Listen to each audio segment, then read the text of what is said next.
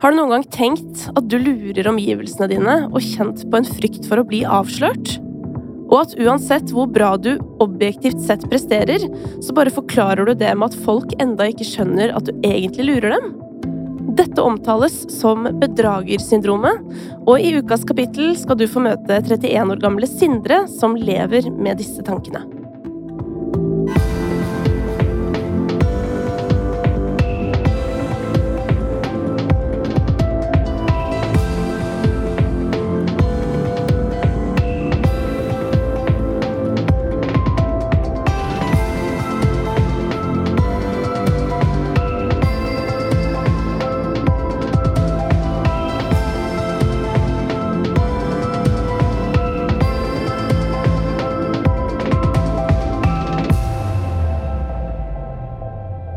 Hjertelig velkommen til deg, rorbu-matros Sindre Amandus Torbjørnsen.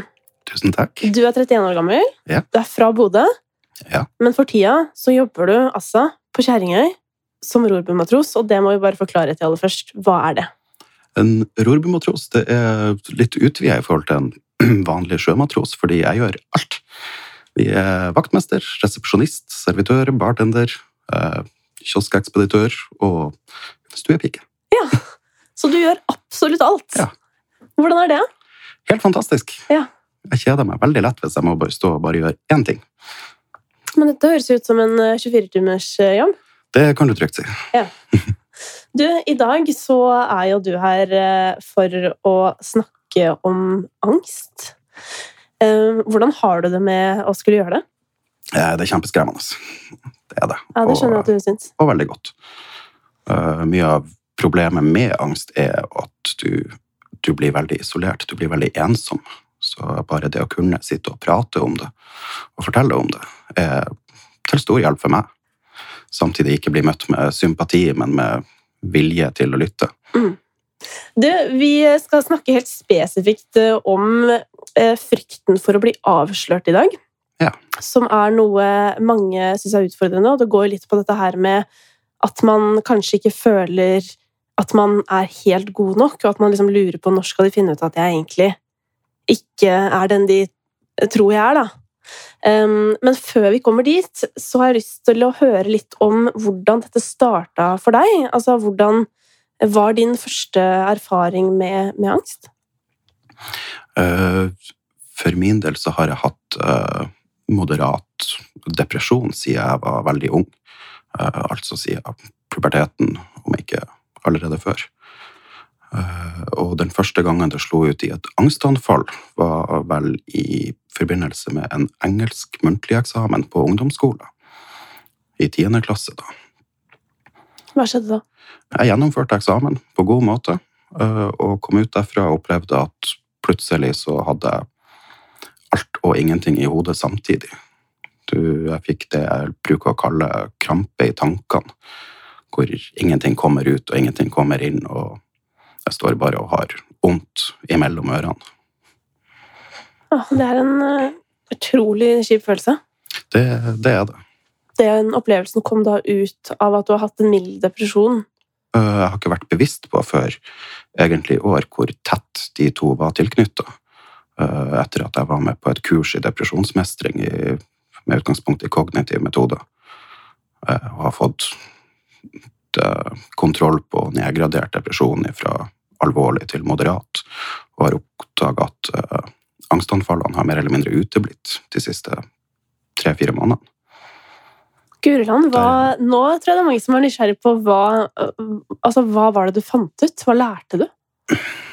Tidligere så har jeg sett på angst og depresjon som to separate lidelser.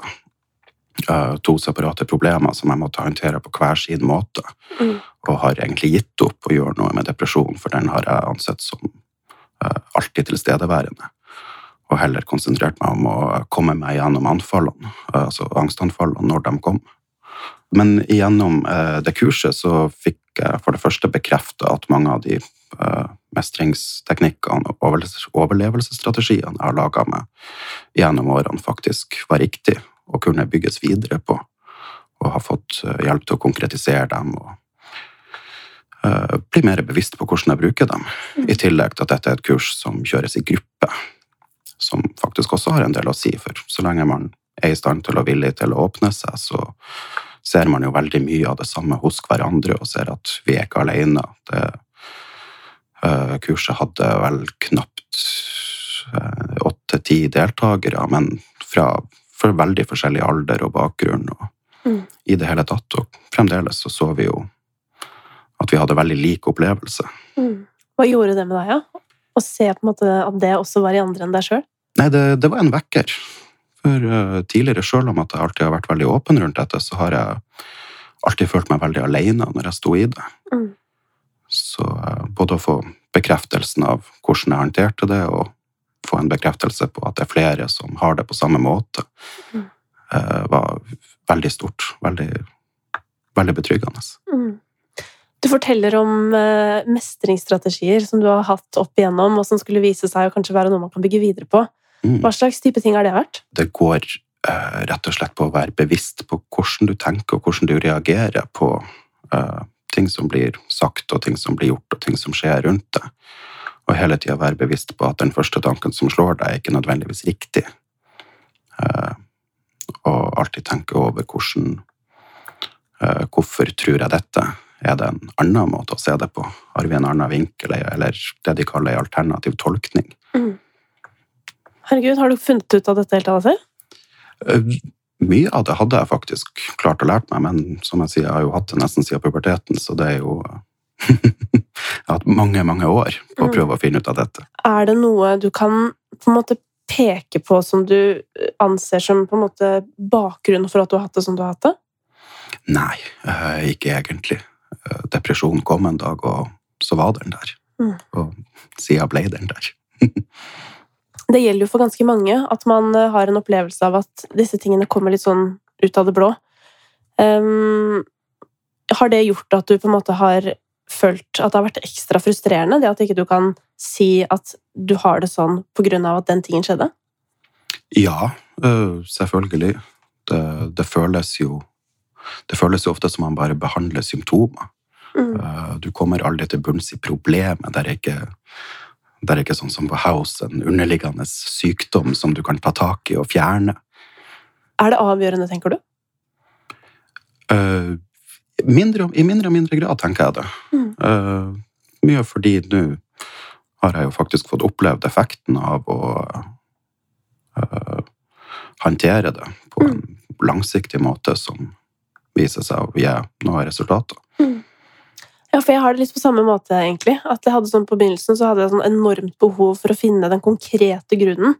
Og jeg tenkte sånn Jeg kan aldri bli kvitt det her hvis jeg ikke vet hvorfor det kommer. Men det er egentlig akkurat samme erfaring som du har, da. Og så finner man på en måte ut at det fins mm. måter å, å, møte dette på mm. som gjør at måte det blir mindre til stede på en eller annen måte. Ja. Uh, og da forsvinner jo egentlig litt det ekstreme behovet, i hvert fall, for å finne grunnen. Ja, det er en veldig god måte å beskrive det på, mm. syns jeg. I dag Sindre, så skal vi snakke om bedragersyndromet, som jo er et uh, psykologisk fenomen der uh, veldig kompetente og vellykka mennesker går rundt med en frykt for å bli avslørt. Og det kan jo være på arbeidsplassen, eller det kan være i relasjoner. Um, hvordan utarter denne frykten seg hos deg?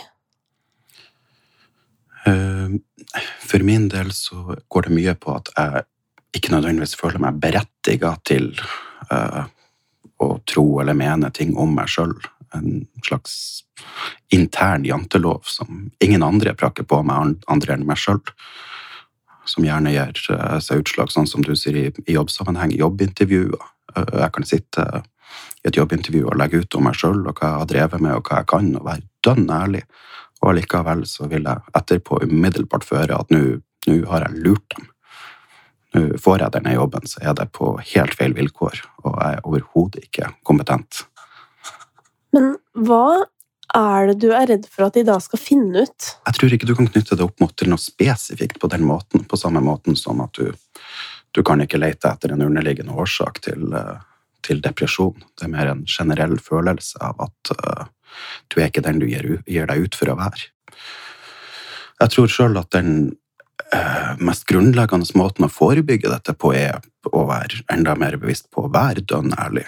Og eh, Altså, jeg kan snakke meg sjøl opp, men ikke, ikke gå over streken. Ikke lyge på meg kompetanse jeg ikke har, for det vil jeg i hvert fall slå ille ut etterpå. Men sjøl da eh, så sitter du gjerne igjen med en følelse av at nå har jeg sagt ting jeg ikke har ryggdekning for. Men så går du da ut av rommet da, etter et jobbintervju, eksempel. Mm. Og så begynner du å tenke å herregud, nå har jeg sagt ting som ikke stemmer, eller Ja. hva, hva gjør det med deg? Jeg blir panisk. Uh, uh, jeg blir kjemperedd. Så det kan være noe så konkret som å få en telefon uh, som sier at nei, vi, vi har sjekka, vi oppdaga at dette stemmer jo ikke. Eller det kan være helt abstrakt og en, bare en, en følelse. Mm. Nå snakker vi jo konkret om jobbintervju, da, den settingen der, men er det på en måte andre Er det i andre settinger du også har følt på den der redselen for at eh, noen skal finne ut at ting ikke er som det ser ut som? Egentlig i alle settinger hvor jeg eksponerer meg sjøl. Mm. Sjøl dette her. Eh, jeg kan si ganske sikkert at når vi er ferdig her i dag, så kommer jeg til å sitte hjemme og tenke at jeg hadde ingen rett, ingen grunn til å si noe av det jeg har sagt. Det er et offer, i så måte. Hva er det som gir deg da styrken til å være her?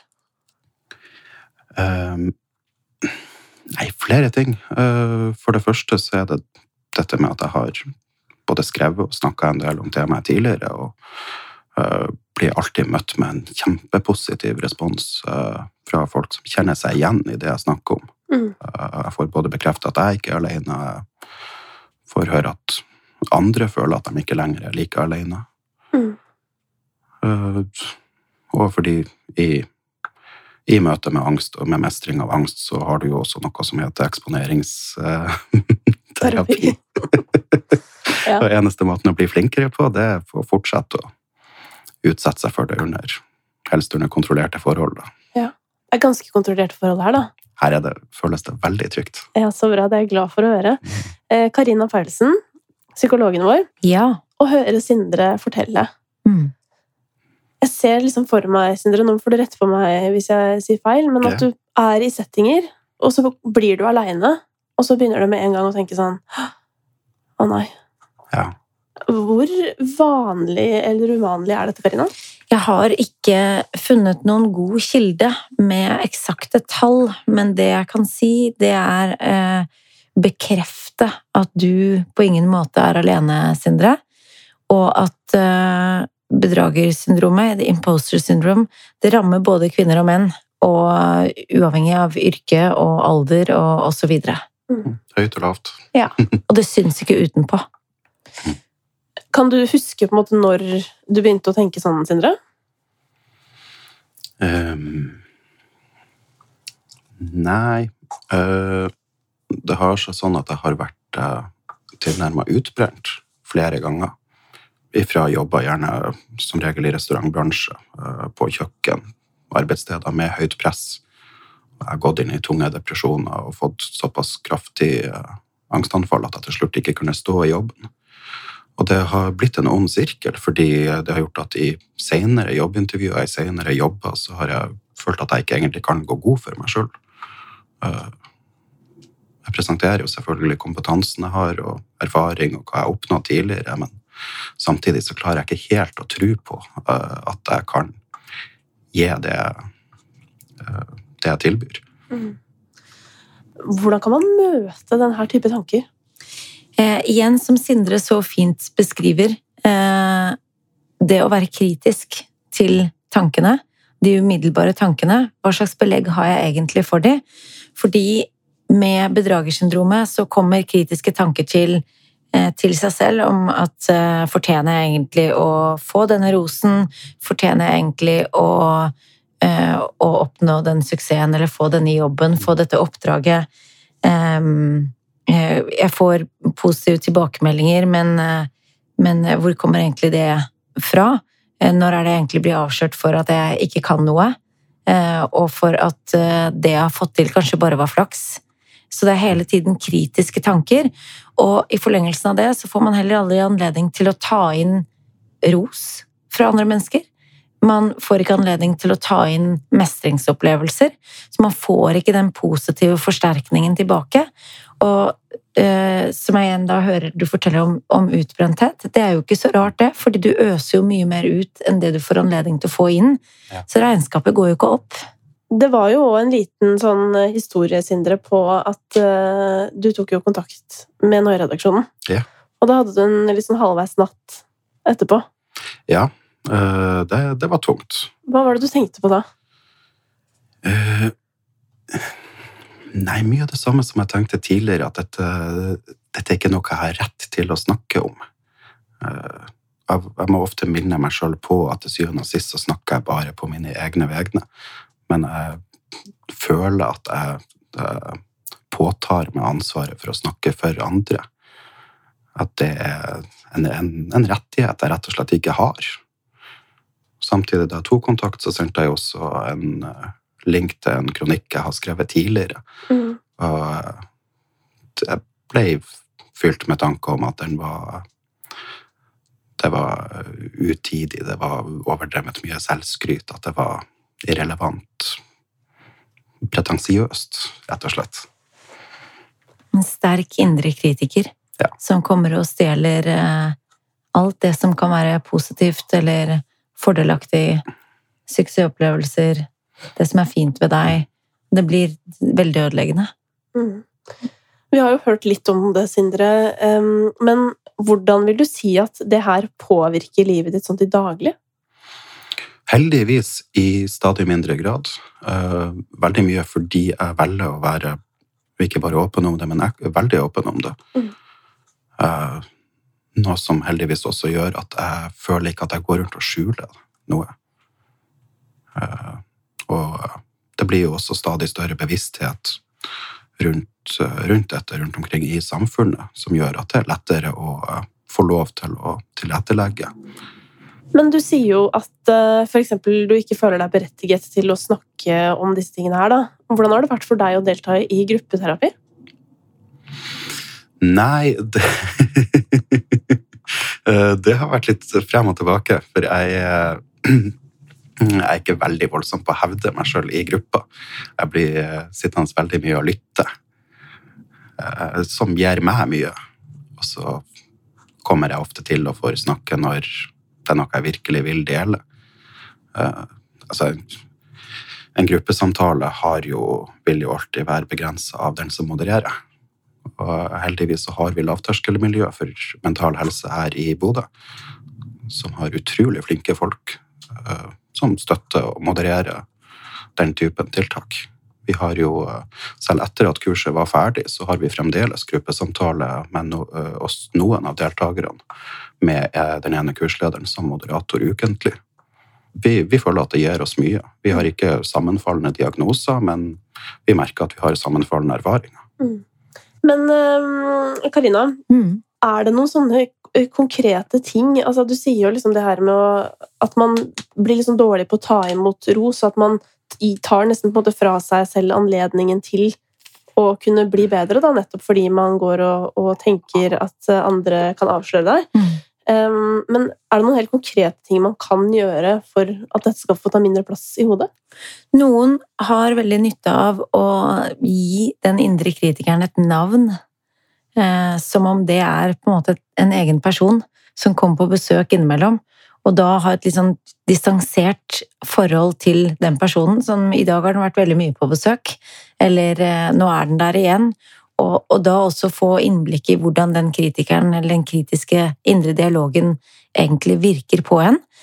Eh, andre opplever det som nyttig å se etter motbeviser. Mm. Eh, og finne alternative perspektiver, som også Sindre nevner, som er en veldig fin, konkret metode. Eh, det er litt ulikt hva som, hva som, virker på den enkelte, men det å, å være nysgjerrig og i første omgang bli bevisst på at den indre kritikeren er der. Kanskje legge merke til hvilke situasjoner er den mer til stede. Som du nevner, Sindre, den etterrasjonaliseringen etter å ha vært i en situasjon. Eh, sa jeg for mye, sa jeg noe feil? Eh, hvordan var jeg? Eh, at du går kritisk til verks i etterkant av en, av en, situasjon eller hendelse som er ganske vanlig. eh, det kan være gylne anledninger til å øve seg på å møte den indre kritikeren på en annen måte. Mm. Mm. Er du flink til det, Sindre? Gradvis. Mm. det, er jo, det er jo noe jeg jobber med hele tida, og det er jo også viktig å huske at sånn som Karina sier, så er jo ikke dette noe som kommer fram bare i jobbintervju som vi har snakka med, men egentlig i alle sosiale møter. Mm. Eh, gjerne hvor man sitter flere stykker og prater mye. Mm. Så, så kan den komme snikende etterpå at nå gjorde jeg meg sjøl til en skikkelig idiot. Men det er også noe jeg merka i uh, uh, ja, rundt meg i media, i ting jeg leser, at det blir stadig større bevissthet rundt. Dette er ikke noe som bare rammer og som har påviste lidelser, men er faktisk kjempevanlig blant folk i det hele tatt. Mm. Å få den usikkerheten og, og sitte og tenke på at nå er jeg teit nå. Mm. Kan det her eh, gi seg uttrykk også når du er på tomannshånd med noen, f.eks.?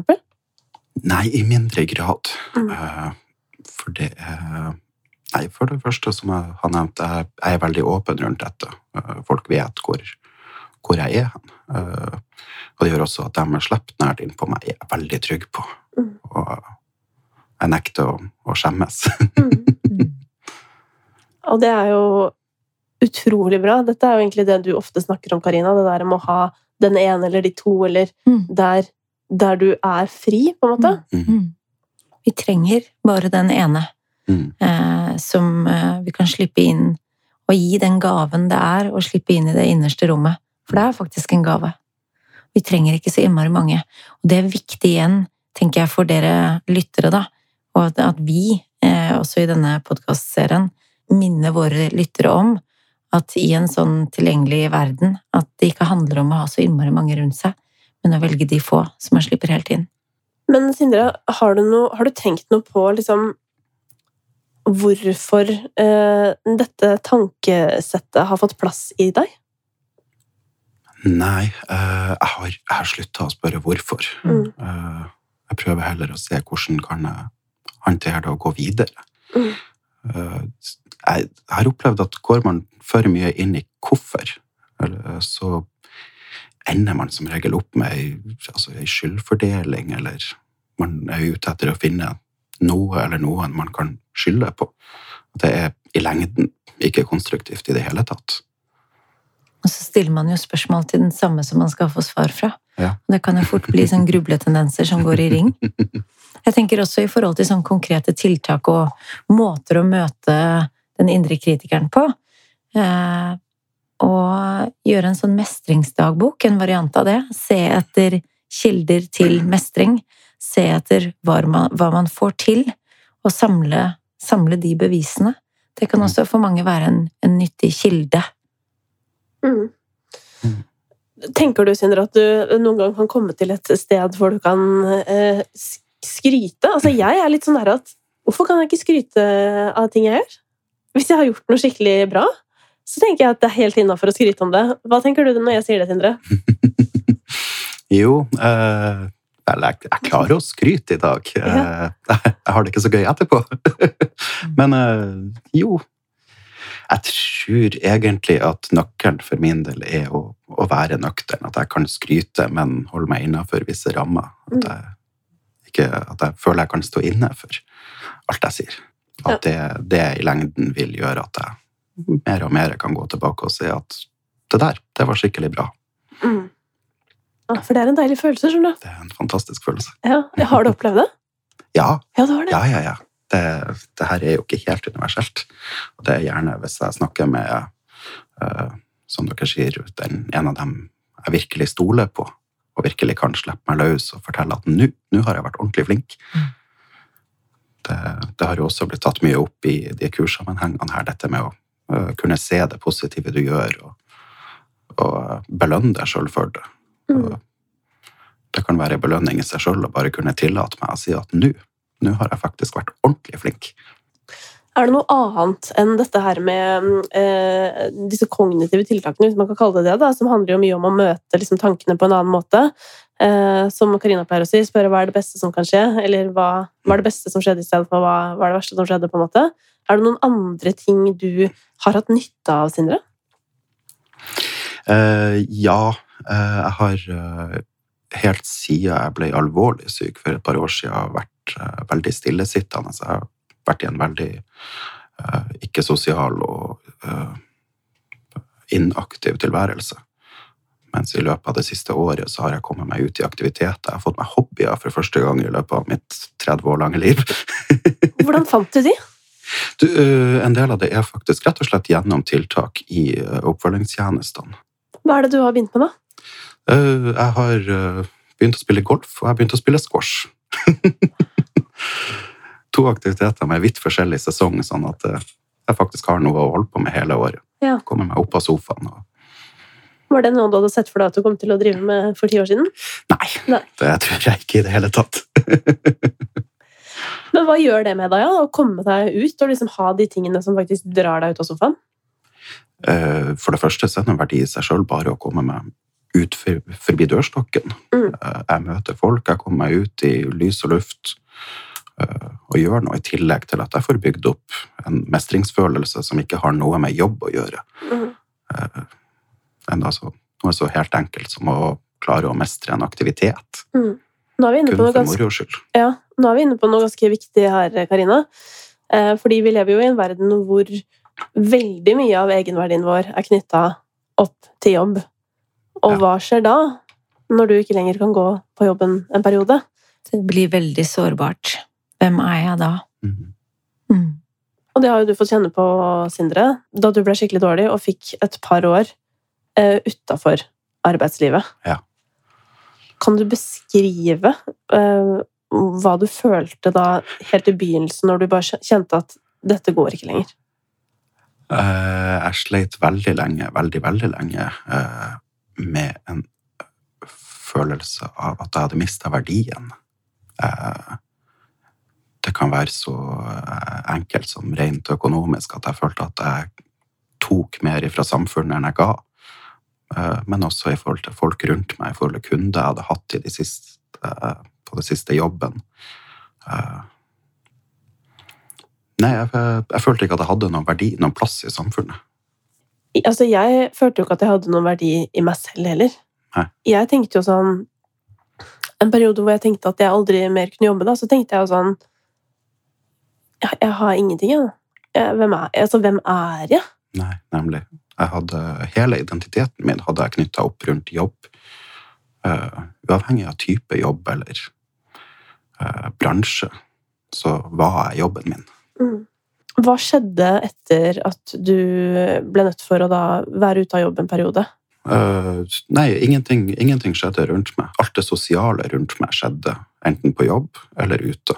Mm. Så når plutselig jobben var borte, hadde jeg ingenting å gjøre eh, på dagen eller gjøre hjemme, så endte det opp med at jeg gikk til det eneste stedet jeg kunne treffe folk, og drakk mer. Mm. Det var det første senere tid jeg har blitt bevisst på eh, hvorfor man kaller det selvmedisinering, for der og da så skjønte jeg ikke at det var det jeg gjorde. Jeg prøvde å skyve ifra meg eh, depresjon og skyve ifra meg angstfølelsen rundt jobb og fraværet av jobb. Og rett og slett eh, bare prøve å holde fast på det lille sosiale jeg hadde igjen. Mm. Det, det ble utrolig destruktivt. Mm. Hvor gikk veien videre da, Sindre? Uh, nei, i lang tid så skjedde det ingenting. Uh, jeg gikk på Jeg fikk de Nav-stønadene jeg hadde krav på, og prøvde å få dem til å strekke til. Noe som ikke er enkelt når du eh, har et alkoholproblem i tillegg. Mm. Og det gjorde jo at eh, alt av sunn sosial aktivitet forvitra fullstendig. Så veldig lenge så veksla jeg mellom å bare sitte hjemme alene eh, prøve å aktivisere meg med å se på TV eller sånne ting, og, eller være ute på byen. Mm. Men så sitter du her i dag, da. Ja. Og er i jobb. Ja. Og da er jeg jo veldig nysgjerrig på hva som har skjedd da etter eh, etter det du nå forteller om, og da det kanskje gikk opp for deg at det her kan ikke fortsette. Nei, det, det starta egentlig med at jeg endelig følte jeg ble tatt på alvor på Nav. Eh, Jeg kom i yrkesretta tiltak, jeg ble satt på arbeidstrening eh, og begynte sakte, men sikkert å få en følelse av arbeidsevne igjen. Jeg kunne, fikk muligheten til å Jeg har tidligere tatt engasjementer og gått rett inn i fulltid ifra å bare sitte og ikke gjøre noe. Eh, og det har som regel fungert en stund og vært kjempedestruktivt i etterkant. Mm. Eh, mens nå fikk jeg sjansen til å gå sakte, strukturert tilbake i jobb. eh, Og gradvis bygge opp følelsen av at dette, dette får jeg til. Det er deilig å høre positive Nav-historier, kjenner jeg. Det er fantastisk Altså, å høre hvordan du beskriver hjelpeapparatet, Ja. og hvordan du benytter flere forskjellige tilbud også. Ja. Mm. Ja, for det er jo mange av de gode historiene der ute òg? Men det er bare det- at de kommer ikke alltid fram. Det Mm. er som regel kritikken som er høyest. Mm. Mm. Men så da fikk du arbeidstrening, da, og så eh, fikk du mestringsfølelsen. Ja. Noen som trodde på deg. Ja. Mm. Jeg var i tillegg heldig, for jeg kom på en utrolig god arbeidsplass uh, gjennom arbeidstrening og ble tatt vare på og fikk brukt meg sjøl Mm. på, en- på en god måte. Mm. Og apropos det du sa i sted, men opplevelsen av å ha en verdi. Ja. Jeg har en betydning. Det er plass Ja. til meg, og jeg blir sett. Og det å bli trodd på da, i kraft av å få servert arbeidsoppgaver, det er en Ja. tillit. Mm. En følelse av at jeg fremdeles har noe å, å bidra med. Og derfor er jobb så viktig også. Ja. Men det er ikke alt. Nei, det er jo ikke alt, men det er jo på en måte det de fleste mennesker har som drar de ut av senga på morgenen. Så på en måte så er det jo en nesten føles på mange måter som en forutsetning da, for å ha eh, et godt liv, og kanskje særlig når man har utfordringer. Og så kan man jo kanskje ikke man trenger å på en måte være i full stilling, eller kanskje man kan få ting tilpassa, men det der å ha noe å gå til, og kanskje enda mer noen som venter på deg, Nettopp. som liksom gleder seg til at du kommer. Ja. Det å møte mennesker, ha en daglig rutine, eh, ha noe du skal gjøre og utrette, som også kan oppta fokuset ditt. Det er mye psykisk helse i sånne små, enkle elementer. Mm. Men eh, Sindre, som vi har snakka om, så er det jo eh, Du trenger ikke å ha en diagnose for å kjenne på den derre litt usikre følelsen om Er jeg egentlig bra nok? Nei, Kan jeg noe? Og liker de meg jeg, egentlig? jeg tror kanskje også det er derfor Karina ikke finner noe uh, brukbar statistikk på det, for jeg tror det der er ganske allestedsnærværende. Mm. Vi er flokkdyr. Vi Ja. trenger å høre til. Og da er det også til en viss grad funksjonelt å ha et litt kritisk blikk på seg selv. Ehm, Men noen ganger så kan det kritiske blikket ta fullstendig overhånd. Og det er jo det som skjer når vi snakker om bedragersyndromet. Mm. Mhm. Hva er ditt beste tips, Sindre, til andre folk som eh, kjenner på det samme som deg? Ikke vær redd for å gjøre ting som er bra for deg. Mm. Eh, Om det er å rett og slett delta på et kurs, eller om det er å prøve aktivitet, prøve å finne noe som er morsomt. Eh, Det kan være skummelt nok i seg sjøl å prøve å ta gode valg, men det er ingenting som er bedre for deg. Jeg tenker jo at sånn, Dette kan man jo ha i større eller mindre grad. Det kan, det kan være så ille at det hindrer deg å gjøre ting i livet, som det tidvis har gjort for deg, Sindre. Mm. Eh, At man rett og slett ikke får gjort ting og ender i en ond sirkel. Men det kan, være, måte, det kan jo begynne veldig smått. At man begynner å tvile på seg sjøl. Og da tror jeg, eller nå snakker jeg kanskje litt mer for meg selv enn at jeg skal legge det over på andre, men at, at jeg da blir litt lat. Um, I den forstand at jeg tenker hvorfor skal jeg gidde å trene på noe inni hjernen min? Hvorfor skal jeg drive og trene på å gi meg selv ros? Jeg trenger jo ikke det. Jeg har jo ikke noe, det er jo bare at jeg ikke syns jeg er så flink. Eller skjønner du? Ja. Um, jeg tenker jo at man kan få ganske mye ut av uh, å være kritisk til sin egen selvkritikk, selv om man ikke på en måte blir hindra i hverdagen av at man har litt sånn vanskelige tanker, da. I aller høyeste grad. Hvis det er en villighet der til å investere noe tid hver dag på å sjekke litt inn med seg selv og sin indre dialog, så kan, det, så kan man veldig mange ha et godt utbytte av det. Mm. Men det krever noe. Det er nettopp det det gjør. Mm. Man må liksom gidde å tenke de tankene. Og det kan være en enkelt eller, eller to. Det trenger ikke å være den største investeringen. Som kan gi noe motivasjon til å fortsette videre, kanskje, med å stille seg selv de kritiske spørsmålene eller ha det daglige blikket på seg selv. Mm. Sindre, det virker jo som din eh, eh, hverdag har endra seg ganske mye gjennom Ja, den siste jeg- tida, kanskje spesielt. Det vil jeg si. Eh, hva er det som motiverer deg? Eh, tanken på å faktisk kunne stå i full jobb igjen. Mm. Det er veldig lenge siden sist, og jeg ser for, for hver gang jeg er på jobb, så går det litt bedre. Hvordan ser du for deg framtida? Jeg forholder meg åpen. jeg tar det veldig som det kommer. Mm. Eh, Jeg bygger ikke opp for høye forhåpninger. Vi tar en dag av gangen. Mm. Det gjør jeg også. Mm. Og det er egentlig litt deilig. Og jeg kjenner litt på at siden eh, Karina alltid bruker ordet nysgjerrig her i Noia, Mm. så er det også sånn at fra å bare gå fra å kanskje ta en dag om gangen som på en måte noe negativt, hvis du skjønner, Mm. så har jeg kanskje kommet til et sted hvor jeg sånn, tar en dag av gangen, men litt mer positivt. Kan du kjenne deg igjen i det, Sindre? Det, det vil jeg si. Jeg tenker den ene enkle investeringen man kan gjøre i seg selv, er jo daglig å stille seg selv, selv spørsmålet hvordan har jeg snakket til meg selv i dag? Hvordan har jeg møtt meg selv i dag? Det er en enkel tanke som kan gjøre deg litt mer bevisst på den indre dialogen. Sindre, jeg håper at vi snart eh, ser deg i full jobb. At Ja, du får takk. det sånn du ønsker å ha det. Og så har jeg lyst til å si tusen hjertelig takk for at du har kommet hit og igjen vært åpen. Mm. Og så håper jeg du syns det er litt mindre skummelt når du går ut av døren denne gangen enn det har vært tidligere. Tusen takk. Det har vært veldig hyggelig å være her.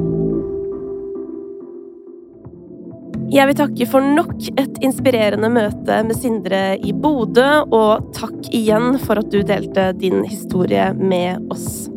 Hvis du har spørsmål som handler om dette såkalte bedragersyndromet, så kan du stille de anonymt nå via noiapodkast.no, så skal vi svare på disse i ukas spørsmålsrunde som kommer på torsdag.